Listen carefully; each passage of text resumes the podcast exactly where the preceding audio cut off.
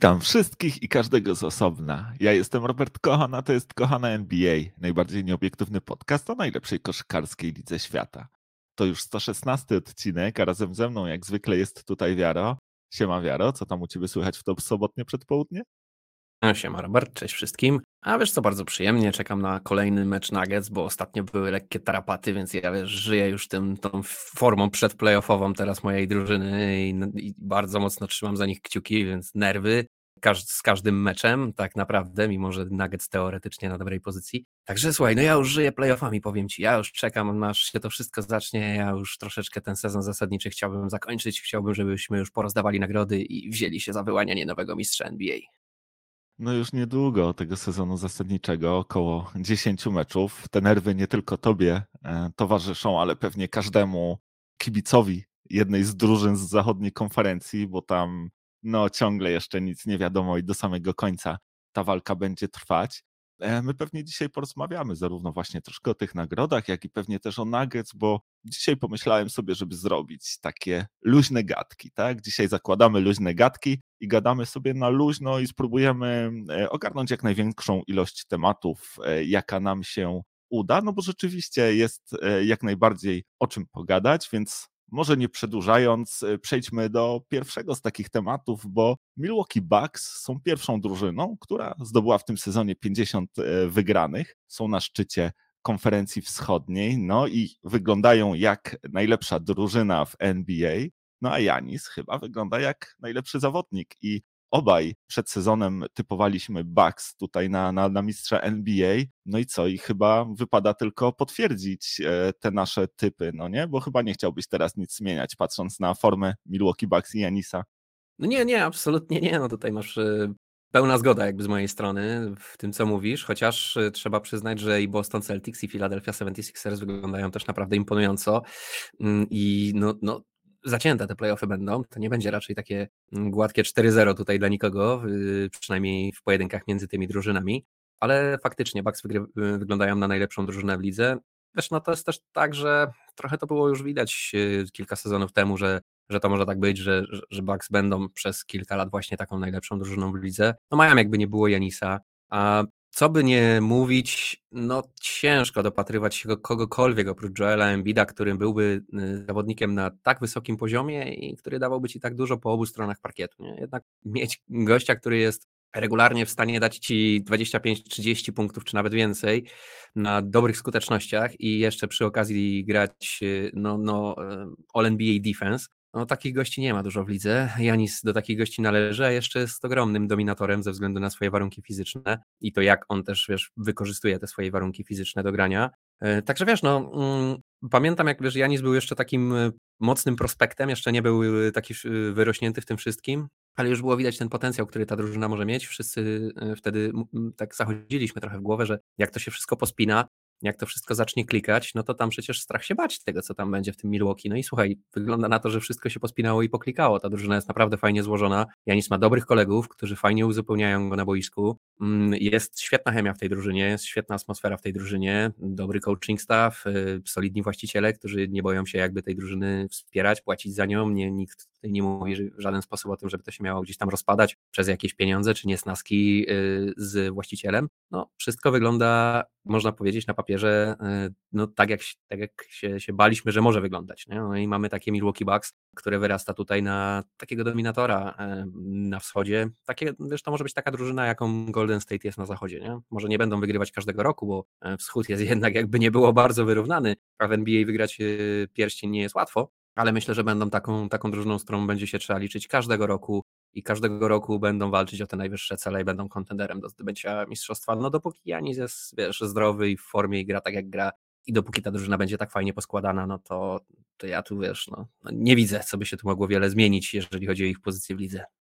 No wiesz, to nie było takie oczywiste też e, od początku tego sezonu, no bo trzeba pamiętać, że tutaj Milwaukee ten początek właśnie miało bez Chrisa Middletona, który no dosyć poważna ta jego kontuzja, to nie było wcale pewne w jakiej formie Chris Middleton wróci, jak on będzie grał. Zresztą e, po tym powrocie właśnie te pytajniki wcale nie zniknęły, tak, bo bardzo długo Chris Middleton wchodził z ławki, nie pokazywał się ze swojej najlepszej strony, teraz wydaje mi się, że znowu zaczyna e, łapać ten flow e, swojej gry, że znowu zaczyna właśnie zaczynają przynajmniej coraz częściej pokazywać się te przebłyski tego starego e, Chrisa Middletona, a to jest coś, czego Milwaukee Bucks bardzo było potrzeba, bo ten początek sezonu, no to Milwaukee jednak na tych barkach Janisa, tak, wygrywało i to on ich niósł jak potrafił w zasadzie praktycznie często nawet, nawet sam e, te mecze potrafił e, im wygrywać. Teraz rzeczywiście to wygląda już e, bardziej jak całościowa drużyna, tak? Jak taki kolektyw i ten ciężar rozkłada się na wielu graczy, bo tutaj właśnie wspomniany Chris Middleton, ale Drew Holiday też ma fantastyczne występy ostatnio, czy nawet taki Brook Lopez, tak? Który jest jednym z głównych też kandydatów tutaj do nagrody dla najlepszego obrońcy w tym roku. Zresztą fantastycznie Bucks bronią pod obręczą. Oni tam troszkę gorzej sobie radzą, jeżeli chodzi o tą obronę z obwodu, ale, ale pod tą obręczą to są rzeczywiście no, bestiami, a, a Janis nawet jeżeli chodzi o tą obronę pick and rolli, no to też radzi sobie fantastycznie. Zresztą Brook Lopez ostatnio mecz z dziewięcioma blokami, prawie triple-double zrobił. Gdyby, gdyby jeszcze jednego bloka dołożył, to, to właśnie byłoby triple-double z blokami, więc tutaj naprawdę bardzo fajnie e, Brook Lopez się też pokazuje zresztą nie tylko na boisku, ale nawet jako ochroniarz, bo, bo ta pamiętna sytuacja z ostatniego meczu z Sacramento, gdzie tam Trey Lyles e, na samą końcówkę, kiedy Janis już gdzieś tam holował piłeczkę, żeby dotrwać do, do końca meczu, został tam, e, wdał się w taką utarczkę, czy też sprzeczkę z Treyem Lylesem, ten go odepchnął, no i wpadł tutaj Brook Lopez jako właśnie taki ochroniarz. I e, zresztą Janis potem po meczu się śmiał, że zapłaci każdą karę, jaka zostanie Brookowi przyznana za to, bo, bo rzeczywiście tutaj no, bardzo, bardzo ważna rola e, tego weterana Brooka Lopeza i, i fajnie się pokazuje i super to Bucks kolektywnie wygląda nie dziwi mnie właśnie, że po tym już, e, kiedy wszyscy gracze gdzieś tam właśnie wracają do tej swojej formy, oni wyglądają jak najlepsza drużyna w NBA i nie dziwi mnie, że zdobyli te 50 e, meczów, no a Janis dominujący, tak? Ostatnio widziałem nawet taki fajny wywiad e, z Kevinem Huerterem, który Ryan Russillo z nim przeprowadzał, gdzie Kevin Huerter właśnie opowiadał, jak to jest kryć Janisa i że jest to niemożliwe i że jest to jeden z najtrudniejszych do przykrycia graczy w całej lidze, że gość, no to co już mówimy od dawna, tak, dwa kroki od linii za trzy do lejapa, no to niewielu zawodników e, może coś takiego zrobić. Ta siła, ta moc, tak, e, tutaj Huerter e, wspomniał Russella Westbrooka jakby sprzed lat i, i właśnie ten ciąg na kosz, który, który Russell Westbrook wtedy miał, no i właśnie mówi, dodaj do tego 7 stóp wzrostu, no i, i właśnie masz gościa, którego nie da się zatrzymać, więc E, super to wygląda, e, dobrze to wróży przed playoffami dla Milwaukee Bucks. E, Janis jest mocno skoncentrowany, widać, że jakby ma wzrok na tym głównym trofeum, czyli na mistrzostwie. No i jak mówię, bardzo, bardzo dobry to jest prognostyk dla drużyny z Milwaukee i na pewno trzeba się ich będzie bardzo, bardzo obawiać w przypadku innych drużyn. To tutaj wspomniałeś o Boston Celtics. No, Boston nie mają ostatnio najlepszej pasy, grają w kratkę, moim zdaniem. Ten początek był fantastyczny w ich wykonaniu i mówiło się nawet o Joe Mezuli w kategorii najlepszego coacha roku. Ostatnio te decyzje jego nie są już e, takie chwalone, nie są takie oczywiste. Zdarza się właśnie Boston zagrać w kratkę i ja powiem Ci szczerze, przed tymi playoffami e, zaczynam łapać coraz więcej obaw, jeżeli chodzi o drużynę Celtics. Ciągle jestem spokojny, ciągle uważam, że to jest właśnie jedna z tych trzech topowych drużyn e, na wschodzie, ale tych pytajników w mojej głowie pojawia się coraz więcej. Wiesz, no to jest też kwestia, że tak powiem, ostatnich 10 meczy, nie? I tego takiego recency bias, który każdy z nas ma i który zresztą też y, trzeba wziąć pod uwagę, że no mało istotne jest, jak ktoś grał dwa miesiące temu, tak? Y, bardzo istotne jest, jak ktoś gra teraz, więc y, wiadomo, że te spadki formy przed samymi playoffami są niepokojące dla każdej drużyny, która w taki dołek wpada. Ja dos doskonale jakby rozumiem tutaj kibiców Boston, bo Denver robi dokładnie to samo. W tym momencie też wyglądał ten zespół bardzo, no taki, no bardzo pewny, jeżeli chodzi o to, jakie jest jego miejsce na zachodzie, a tu przed przed samymi playoffami zaczynają się jakieś schodki, jakieś dołki, jakieś takie wiesz, dziwne mm, wahania formy. To nigdy dobrze nie świadczy, no ale z drugiej strony też trzeba, mm, myślę, wziąć pod uwagę, że no, no, sezon zasadniczy jest długi i takie spadki formy się zdarzają, a jednak ta drużyna pokazała nie raz, nie dwa i nie trzy, że należy się jej bać. To są, to są też chłopaki, mówię tutaj oczywiście o Boston Celtics, którzy, słuchaj, no grali już no, najwyższe cele w tej lidze, tak? Więc y, tam już nie ma jakiegoś takiego, jakichś takich problemów, że jak przyjdą playoffy, mm, to to są jeszcze nie, niesprawdzeni goście, nie wiadomo jak oni się zachowają choćby James Harden mm, czy Joel Embiid, no to cóż oni wielkiego się nawygrywali kiedykolwiek w playoffach. Fajnie, że mają taką formę, fajnie, że to teraz tak wygląda i tacy rozpędzeni w te playoffy wejdą, ale no ja nie, ja wcale nie jestem taki spokojny o to, co Harden będzie robił w tych playoffach i czy Joel Embiid też będzie prezentował taką formę, jaką prezentuje i czy to wszystko będzie działać, a mimo wszystko jakbym sobie pomyślał, że po drugiej stronie stoją Boston Celtics i trzeba ich pokonać w czterech meczach w playoffach, to mimo wszystko bardzo bym się chyba bał w tym momencie. No wiesz, na pewno w przypadku Filadelfii trzeba pamiętać, że tam na ławce trenerskiej jest jeszcze Doc Rivers, tak? Żaden inny trener no, nie no przegrał no tylu serii, kiedy, kiedy prowadził e, 3 do 1, więc e, no na pewno jest to coś, co, co trzeba wziąć pod uwagę i coś, czym pewnie trzeba się martwić, bo dopóki oni z tym demonem się nie zmierzą i go nie pokonają, to on zawsze gdzieś tam będzie e, za nimi podążał i będzie ich straszył. Ty tutaj wspomniałeś o tych nuggets, no właśnie, ciągle pewniak, ciągle najlepsza drużyna chyba na zachodzie, ale no przynajmniej moim zdaniem najlepsza, ale właśnie tych pytajników też przed playoffami coraz więcej, zwłaszcza jeżeli chodzi o obronę, nie? bo tutaj rzeczywiście Nuggets mają taką nie najlepszą serię, jeżeli chodzi o te e, ostatnie mecze. Tutaj w ogóle przerwana ta, ta seria e, bycia niepokonanym, kiedy Jokic zdobywa triple-double, zresztą przez Jeremiego Sohana i jego fantastyczny mecz, kiedy właśnie San Antonio Spurs e, was pokonali to są takie wpadki, które nie powinny się zdarzać e, Denver Nuggets, ale też wpadki i te przegrane raczej takie zasłużone, no bo rzeczywiście no ta wasza obrona przed playoffami nie wygląda najlepiej, zresztą Michael Malone też sam o tym wspominał na, na konferencji prasowej. Ja powiem ci szczerze, właśnie te pytajniki w mojej głowie też się pojawiły i, i tutaj chciałem zapytać, jak bardzo ty się martwisz, jako właśnie ten superfan e, Nuggets, jak bardzo martwisz się o tę drużynę i i czy myślisz, że to może się rzeczywiście odbić e, na, na seriach playoffowych, zwłaszcza jeżeli tutaj trafi się na mocną drużynę z tej końcówki zachodu? Nie no, oczywiście, że tak. Wiesz co, no, może nie do tego stopnia, żebym się jakoś wielce bał o pierwszą rundę, e, ale no wiesz, no, po pierwsze, Denver nie gra jakiejś tragicznej defensywy, tak? To nie jest tak, że my jesteśmy, nie wiem, 26 w lidze w defensywie, tak? To jest gdzieś def defensywa w okolicach tam 10-12 miejsca. E, natomiast y, przez cały jakby sezon był bardzo dobry trend, jeżeli chodzi o tą defensywę, bo może jeszcze, jeszcze się cofnę kawałeczek. Denver musi w ogóle dość specyficzną defensywę grać ze względu na to, jaki my mamy personel, bo u nas nie ma nikogo, kto jest w stanie kryć obręcz. Jokic się do tego nie nadaje. Jokic nie jest skocznym zawodnikiem, który w jakikolwiek sposób potrafi e, wertykalnie, że to tak ujmę, przeszkadzać przeciwnikom. To nie jest jego mocna strona absolutnie i on jest y, akurat w tych statystykach, nawet jak tam sobie wejdziesz w advanced statystyki, to jeżeli chodzi o e, na przykład y, z jaką skutecznością e, pod obręczą rzucają zawodnicy przeciwko Denver, to to jest raczej wysoka skuteczność. My jesteśmy kiepscy w obronie obręczy, no przede wszystkim ze względu na to, że no nie ma personelu, żeby to robić. Tak? Jokic się po prostu do tego nie nadaje. Więc u nas jest specyficzne granie Jokiciem. Jokic jest bardziej wykorzystywany jako taki zawodnik, który szybkością swoich nóg i rąk y, przerywa te akcje przeciwnika i swoją inteligencją gdzieś tam szuka stila, szuka, szuka gdzieś tam jakiegoś y, podbicia piłki, jakiegoś takiego, wiesz, deflection, e, tym podobnych rzeczy. Mm, więc y, siłą rzeczy to jest specyficzne, a jeszcze w tym momencie Denver stara się Jokicia unikać tego, żeby Jokic w jakikolwiek sposób podczas switchy e, lądował na tym zawodniku, który go próbuje wyciągać przed yy, linię trójki, tak? I to się kończy tym, że tam jest bardzo dużo takiego, takiego, takich specyficznych rotacji, tak? Że tam jak już widzisz, że się zbliża jakby pick and roll i chcą switchować się tutaj z Jokiciem, to Jokic się pre-switchuje z chłopakami. No tam jest dużo takiego, takiej, takiej zagmatwanej bieganiny na obwodzie, gdzie trzeba się wymieniać cały czas, żeby tego Jokicia w pewien sposób asekurować, żeby nie dać takiemu Stefowi Keremu po prostu znęcać się nad Jokiciem przed trójką, tak? Więc wiesz, to jest dość specyficzna obrona pod tym kątem, że tam tych switchy jest dużo i mocnego skupienia wymaga i myślenia na boisku od zawodników, którzy są zaangażowani w tę obronę. Nie?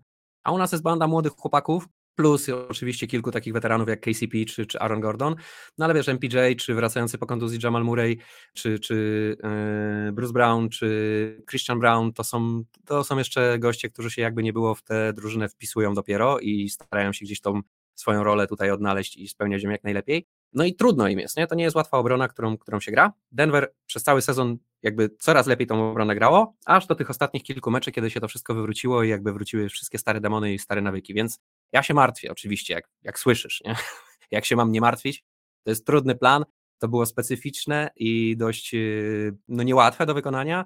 E, no i wygląda na to, że, że w tym momencie się to wszystko posypało. Ja mam nadzieję oczywiście, że to, to nie jest tak, że tu się już nic nie wróci i gdzieś tam Denver sobie przypomni, jak, jak tę obronę grać, jak, jak to powinno działać i będziemy przynajmniej taką defensywą właśnie w okolicach 12 miejsca w lidze. E, no i z naszą historyczną ofensywą, no to ma to, ma to szansę, tak? Ja i tak tutaj nie liczyłem na to, że Denver będzie jedną z lepszych defensywnie drużyn w playoffach, no bo my nie mamy personelu do tego, żeby to grać.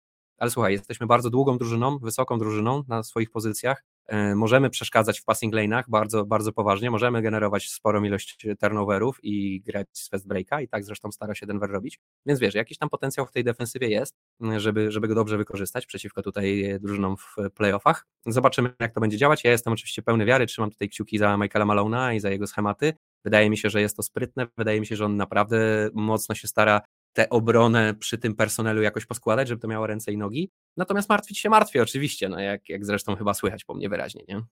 No słychać. E, wiesz co, ja akurat miałem okazję pooglądać troszkę e, meczów Nuggets ostatnio no i rzeczywiście jest tak, jak mówisz, że, że Michael Malone stara się e, tę obronę składać. To się odbija troszkę też na atmosferze w zespole, bo na przykład Michael Porter Jr. ostatnio mocno narzekał na to, że przesiedział e, całą prawie czwartą kwartę na ławce, dlatego właśnie, że Michael Malone zdecydował się grać więcej Bruce'em Brownem, właśnie stawiając na tę bardziej defensywną linię, z której, z której właśnie Michael Porter wypadł. No i rzeczywiście było troszkę narzekania w szatni, więc jestem ciekaw, jak właśnie właśnie ta, ta rotacja odbije się też na, na gdzieś tam na chemii e, w zespole. Na pewno wyglądało to tak, że Jokic jest po prostu absolutnie totalnym potworem, tak? To jest gość, który no, dominuje, tak? To jest ten poziom dominacji, jaki kiedyś widziałem w wykonaniu Szaka. Oczywiście zupełnie inna gra, totalnie inna gra, tak? Natomiast y, biorąc pod uwagę jakby poziom dominacji, no to jest, to, to, to jest niesamowite. No to się po prostu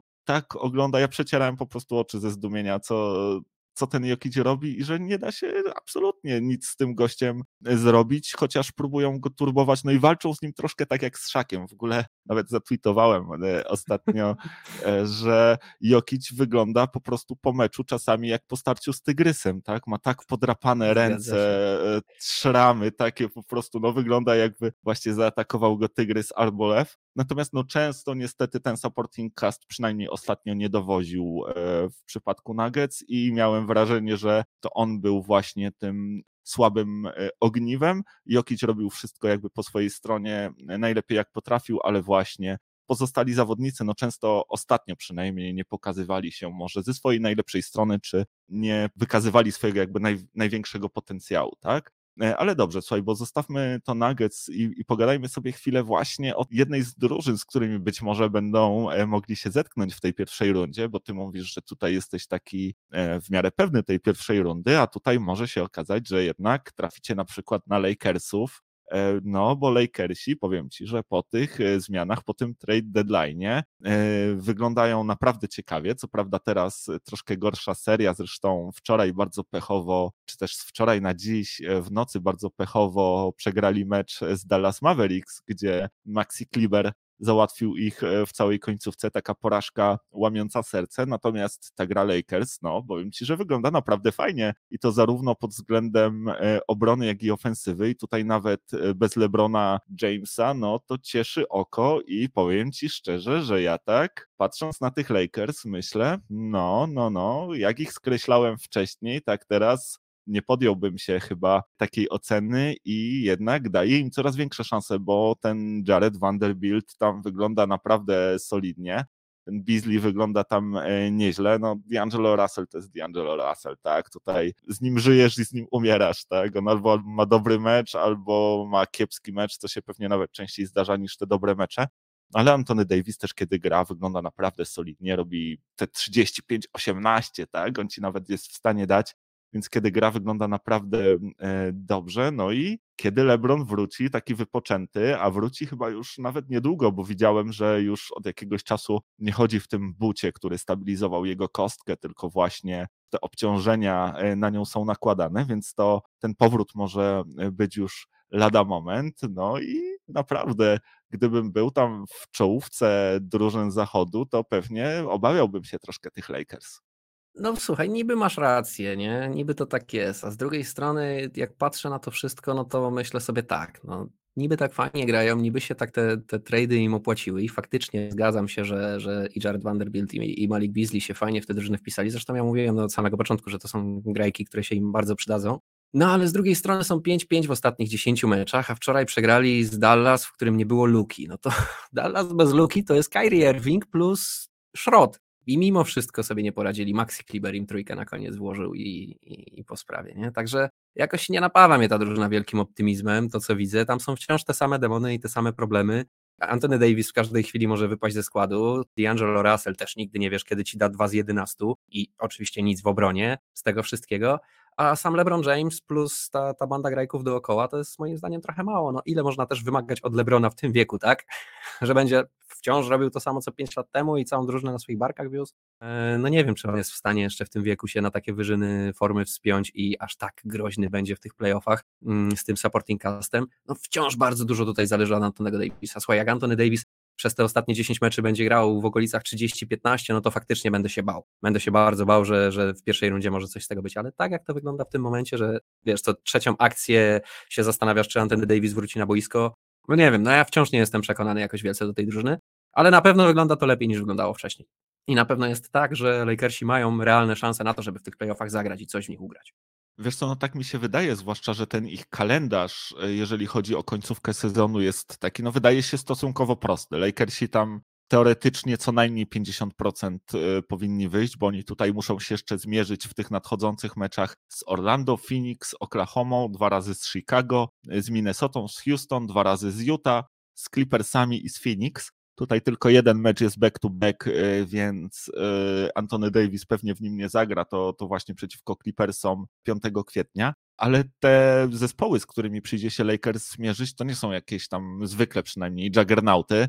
E, tutaj daje jednak w tych meczach Lakersom sporo szans, natomiast no, z drugiej strony właśnie to są Lakersi, tak, oni z tym Houston już potrafili ostatnio przegrać, ale wydaje mi się, że co najmniej ten turniej play-in powinien być w ich zasięgu, a jeżeli uda się awansować do playoffów, jeżeli LeBron James wróci, no to na pewno będą groźni e, w serii do, do czterech zwycięstw.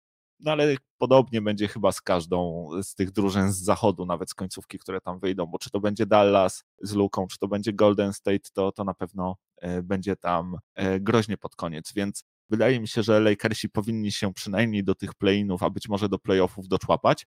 Wbić się na szóste miejsce będzie pewnie e, ciężko, ale właśnie może w tych play-inach uda się wywalczyć występ w playoffach.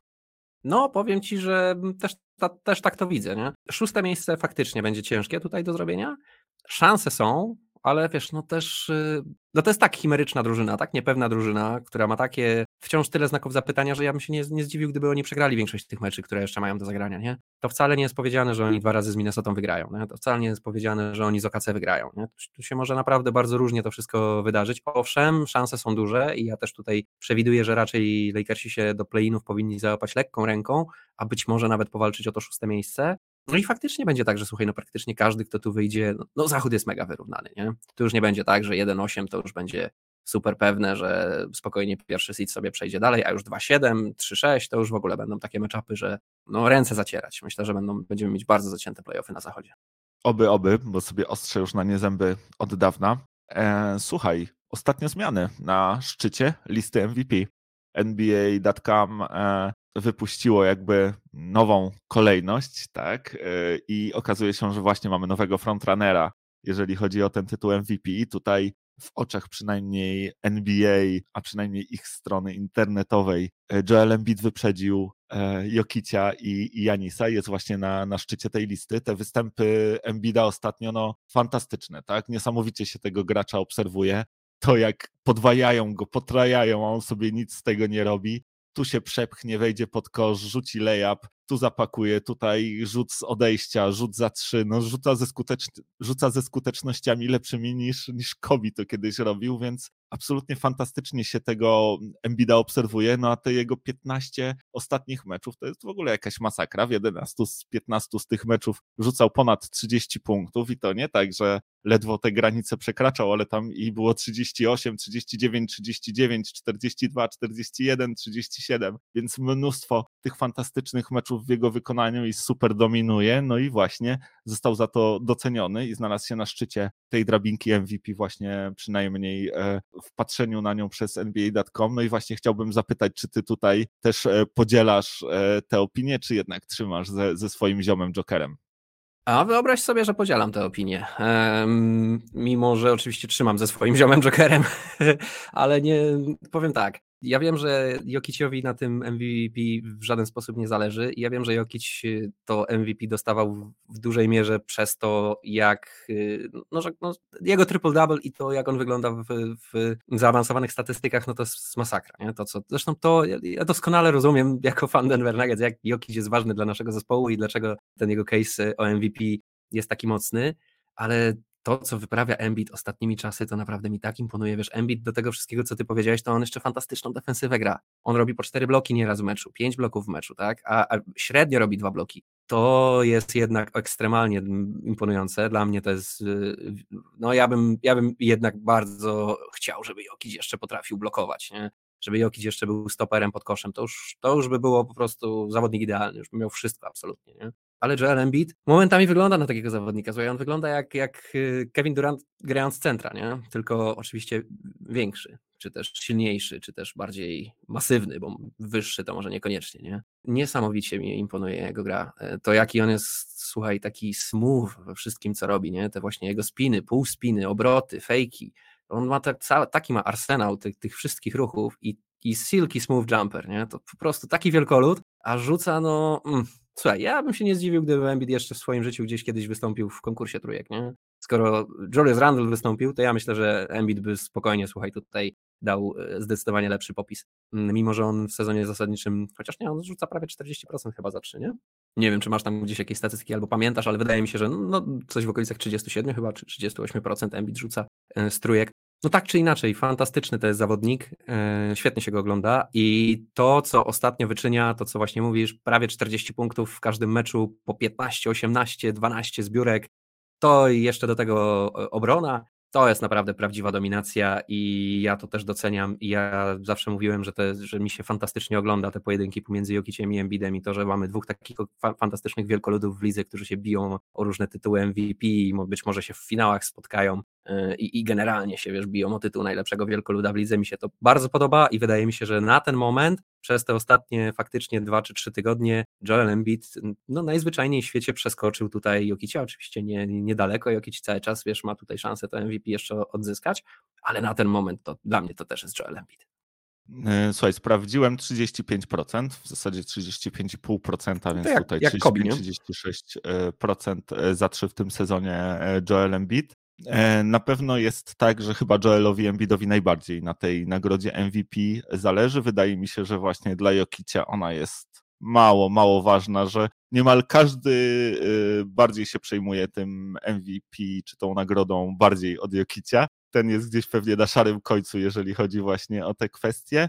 Janis też wydaje mi się, nie zależy mu aż tak bardzo, on ma gdzieś indziej optykę ustawioną, to jest gość, który właśnie on jest nastawiony na ten grind i na tę walkę o mistrzostwo, to jest dla niego najważniejsze. Zresztą ostatnio też się o tym wypowiadał o tych nagrodach indywidualnych. Joel Embiid jeszcze tego MVP nie zdobył, więc wydaje mi się, że jemu e, najbardziej na tym zależy i być może właśnie uda mu się gdzieś tam wyszarpać e, w końcówce sezonu właśnie tę nagrodę. Zobaczymy też, jak, jak właśnie wszyscy głosujący będą gdzieś tam e, zmęczeni e, tym głosowaniem na Jokicia i wystraszeni tym, żeby dać mu to trzecie MVP z rzędu. To na pewno może mieć jakieś znaczenie.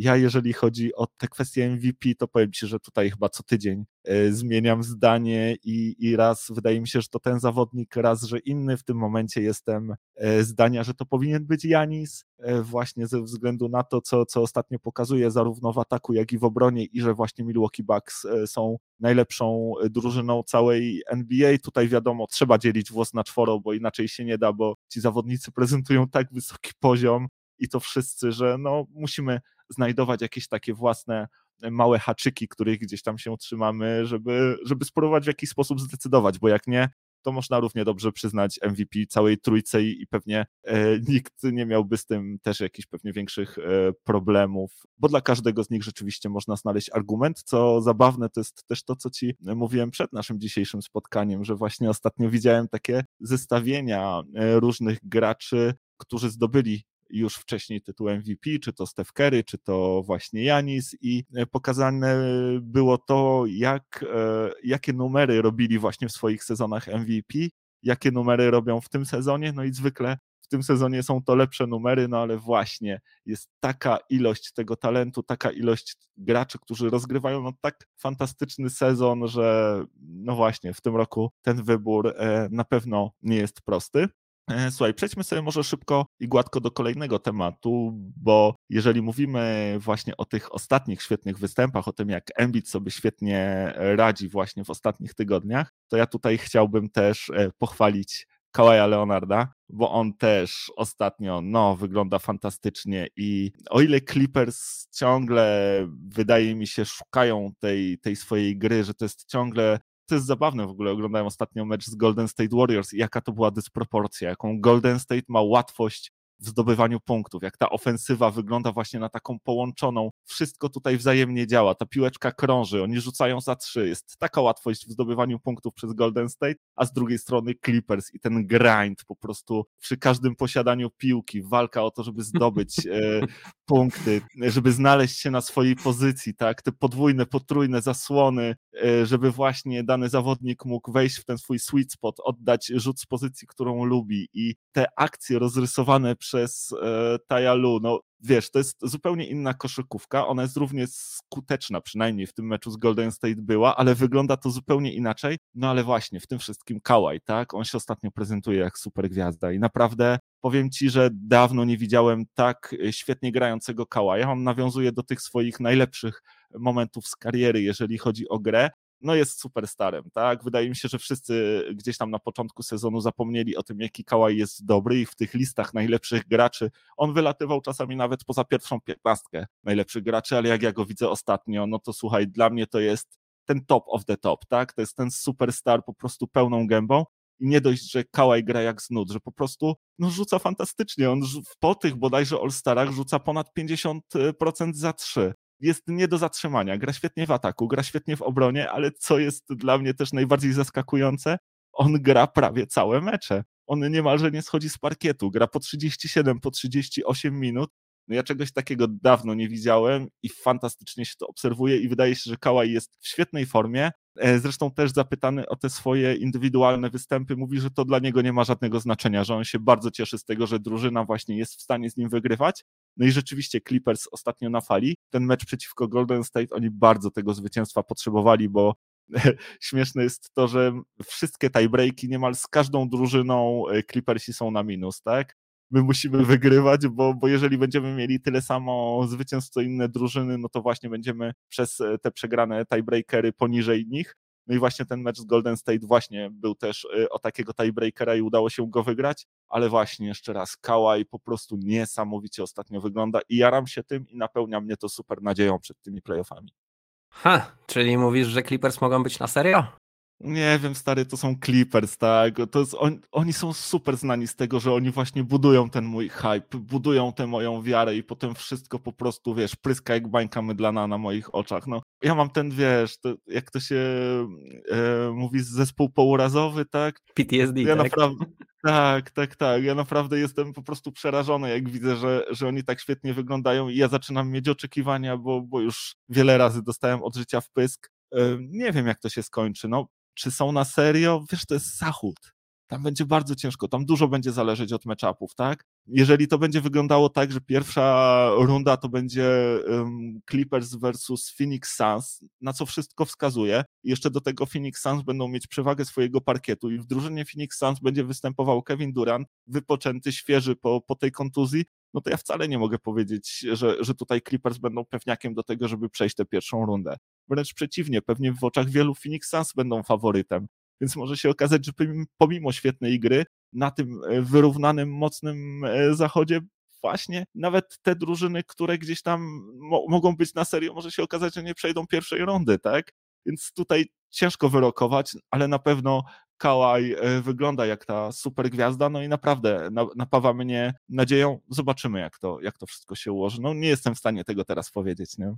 No słuchaj, na pewno wyglądają Clippers teraz zdecydowanie lepiej niż e, drużyny, które my obstawialiśmy, że są na serio, czyli Memphis i Pelicans. E, bo... Nawet nie bo nie obstawiłbym w tym momencie ani Memphis, ani Pelikanów w meczapie z Clippers to, co się z Pelikanami stało, ja wiem, to jest kontuzja Zajona, ale mam wrażenie, że Willie Green się też totalnie pogubił e, w tych rotacjach, że nie potrafi jakby tego zespołu zmobilizować, bo no wiadomo, Pelicans się z mega problemami borykali, jeżeli chodzi o te kontuzje i, i tak dalej. Tutaj brak Ingrama, on już wrócił, tak?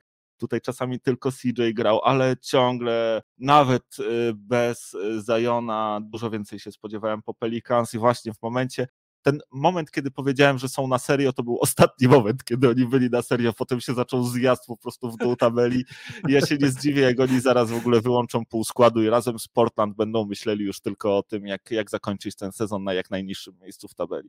No tak, słuchaj, no coś w tym jest. No ale jeszcze wracając do Clippers i Kawaja, bo to jest właśnie to, co Clippers mają, czego inne drużyny nie mają, nie? Że mają potencjał, mają potencjał na to, żeby być naprawdę, mieć bardzo wysoki sufit ma ta drużyna, jeżeli oczywiście wszystko będzie klikać. Tych pytajników jest wciąż całe mnóstwo, bo Kawhi Leonard to jest, yy, wiesz jak jest z Kałajem, nie? To, to masz wrażenie, że to nigdy nie będzie trwało, nie? Że, że to zaraz się właśnie skończy ta, ta seria, że zaraz coś się wydarzy i albo Kałaj przestanie tak grać, albo się skontuzjuje, albo nie wiadomo co jeszcze się stanie ale póki co wygląda to fantastycznie. No ja mówiłem, że tej drużyny należy się bać, jeżeli tam wszystko kliknie, to, to jest drużyna budowana z myślą o najwyższych celach i to jest drużyna tak budowana, jak się powinno moim zdaniem drużynę budować. Najpierw superstary, potem cała, cała reszta dookoła tego i to wszystko ma grać i się uzupełniać i tutaj się to uzupełnia fantastycznie. Pamiętaj, że to jest y, wciąż drużyna, zresztą co ja ci mówię, pamiętaj, ty doskonale tę drużynę znasz, no ale tacy zawodnicy jak Norman Powell to też jest, y, jest się czego bać. Jest wciąż jakby nie było y, raz teraz. Zobaczymy, co, co z tego wszystkiego wynikiem, wyniknie. A poza tym cała reszta tych weteranów, których macie, Morisy, seniory, Batumy i, i, i, cała reszta, to jest dobra drużyna. Jak oni zaczną wszyscy grać na miarę swoich możliwości i na miarę swojego zdrowia i to zdrowie dopisze, e, to ja bym się tutaj bał. I tym bardziej stary będąc Phoenix, bo Phoenix bazuje tak naprawdę w tym momencie na dwóch gościach, tak? Kevinie Durancie i Devinie Bookerze. To są skrzydła. A wy jesteście chyba jedyną drużyną na zachodzie, która może wystawić na akurat na skrzydłach fantastycznych dwóch obrońców, tak? Możecie wystawić Kawaja i Pola George'a, odpowiednio na KD'ego i, i Bookera.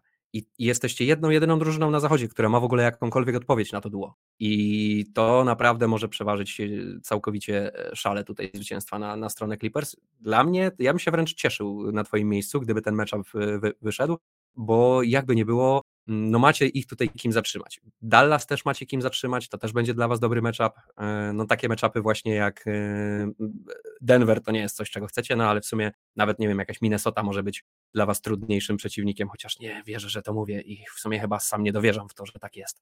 Phoenix na pewno będzie, jakby nie było, bardzo groźne. Ale słuchaj, ja mam wiary, jeżeli się to oczywiście wszystko utrzyma, ja przestrzegałem, że tej drużyny należy się bać i ja się jej boję i ja, ja lubię po prostu to, co wy zrobiliście parę lat temu. Mi się wydaje, że to jest dobry plan. Nie wiem oczywiście, czy on wypali, bo co patrzę na sezon zasadniczy, to się za głowę łapie i nie mogę uwierzyć w to, co tam się odwala, ale no teraz to przed samymi playoffami zaczyna wyglądać dobrze i jak wy wjedziecie na takim, wiesz, hypie w te playoffy, no to naprawdę no, będzie za co trzymać kciuki i będzie na co liczyć, no. Wiesz co, o Morisie to mi nawet nie mów, bo ja po prostu nie cierpię tego gościa. Jak, jak uwielbiam zawodników Clippers, tak to jest taki burak, to jest taka po prostu, no nie mogę patrzeć na kawał chama, który dodatkowo jeszcze ostatnio gra totalny piach, więc... E, Z Dylanem Brooksem się... i Patem Beverlym w jednej drużynie mógłby grać, co? Słuchaj, o, o, ostatnio chłop wyleciał e, z boiska, bo postanowił zrobić jakąś dziwną akcję na e, Draymondzie Greenie i po prostu rzucił nim o parkiet, łapiąc go za, za, za twarz i w ogóle sędziowie nie wahali się, e, atak powyżej ramion, e, wyrzucili go z boiska, Draymond mu tylko zaklaskał na do widzenia, więc ja naprawdę totalnie nie, nie, nie, trawię tego gościa. Widzę go w koszulce Clippers, ale nie, nie, płakałbym w ogóle, gdyby, gdyby zniknął. Jeżeli chodzi o rasa, to wymyśliłem sobie ostatnio takie ładne staropolskie powiedzenie, które doskonale oddaje to, jak to z rasem w drużynie jest. Raz na wozie, raz pod wozem. I, i tak to do, dokładnie wygląda z Westbrookiem fatalny shot selection, e, łapie się za głowę po prostu przy, przy każdym meczu, jak oglądam, potrafią latać takie cegły, że, że tutaj boki tablicy są odbijane obijane, a z drugiej strony raz daje tyle energii, potrafi tyle takich ważnych ofensywnych zbiórek styli. Ostatnio no fantastyczna, e, fantastycznie to właśnie wyglądało i, i fantastycznie to pokazuje, kiedy drużyna trzy razy rzucała i raz trzy razy robił ofensywną zbiórkę, oddawał e, piłkę za trzy. Tutaj najpierw e, bodajże Morris spudował trójkę, potem Paul George spudował trójkę, raz zebrał tą piłkę po raz trzeci, podał jeszcze raz do Paula George'a za trójkę i siadła w, te, w końcu ta trójka, więc no właśnie w taki takich momentach on potrafi bardzo dużo tej drużynie dać, potrafi jej też bardzo dużo odebrać, e, więc no, e, zobaczymy. Słuchaj, czas na chwilę modlitwy i takiego smutku, bo chyba musimy troszkę się pomodlić za zdrowie Lonzo Bola. E, fatalnie to wszystko wygląda, tak? Lonzo Bola w ogóle nie mogliśmy obserwować w tym sezonie na parkiecie. W przyszłym sezonie praktycznie chyba też go nie zobaczymy, bo okazuje się, że będzie musiał przejść trzecią operację kolana, bardzo dziwnie to wygląda. Medycy konsultują się ze sobą, różni specjaliści e, są jakby wysyłani do, do przebadania tego lonzobola. Nikt nie potrafi znaleźć przyczyny problemu. Tutaj właśnie ostatnio okazało się, że kolejna e, operacja lonzobola czeka i właśnie nie zobaczymy go w przyszłym sezonie. I może się okazać, że już w ogóle nie zobaczymy go na parkietach NBA, chociaż ja mam nadzieję, że to się nie stanie, że Lonzo Ball jeszcze wróci. Wróci tak jak kiedyś Sean Livingston, który miał gdzieś tam podobne problemy i też się wydawało, że, że to koniec jego kariery, a jeszcze właśnie potrafił pokazać się z dobrej strony i nawet wygrać mistrzostwo z Golden State Warriors więc mam nadzieję, że to samo czeka Lonzo Bola, bo, bo rzeczywiście tutaj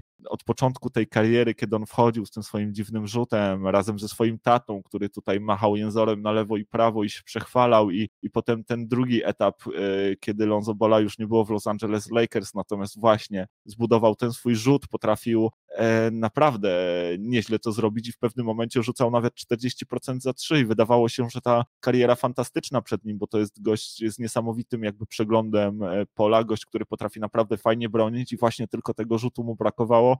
No i wtedy się zaczęły te największe problemy i, i powiem Ci, że no bardzo to jest smutne i mam nadzieję, że Lonzo Ball jeszcze do nas wróci.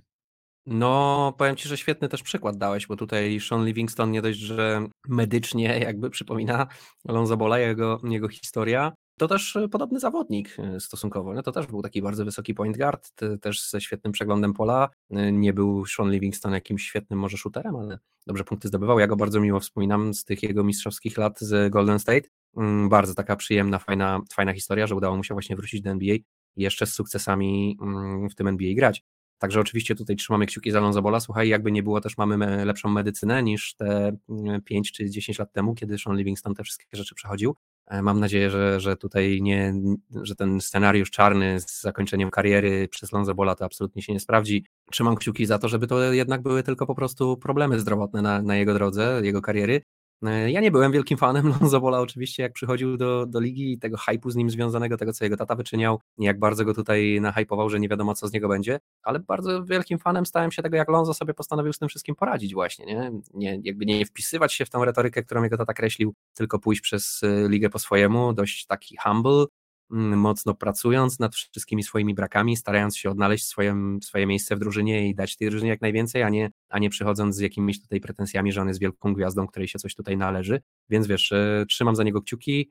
Mam nadzieję, że coś z tego będzie. Mm, ten hype na bra braci Bol już na szczęście dawno zniknął i nie istnieje i możemy na nich patrzeć jak po prostu na, na dwóch e, fantastycznych młodych koszykarzy, którzy jak e, wielu innych próbują się tutaj w tej lidze zapisać na kartach historii i mi się to już w tym momencie bardzo fajnie ogląda. Ja już straciłem całkiem jakąś antypatię do tych gości ze względu na to, co ich tata kiedyś wyczyniał i, i ten hype z nimi związanymi, e, związany, jak, jak oni tutaj wchodzili do ligi. Mm, więc wiesz, no mocno trzymam kciuki, żeby było tak, jak mówisz, że to tylko jednak po prostu poważne problemy na jego drodze, a nie absolutnie jakieś zakończenie kariery. To fajny, pożyteczny zawodnik, e, naprawdę pewien sposób wyjątkowy na, na, na, swojej pozycji. Może nie jakoś super gwiazda, ale myślę, że mógłby być dokładnie takim Seanem Livingstonem, nawet lepszym zawodnikiem mm, dla jakiejś mistrzowskiej drużyny. A to jest świetna rola. Nie? Są drużyny, które szukają takich zawodników, chętnie im zapłacą i będą bardzo zadowoleni z ich usług. Nie? Więc e, trzymamy tutaj kciuki, myślę, za Alonso e, wszyscy. Nie? No zdecydowanie.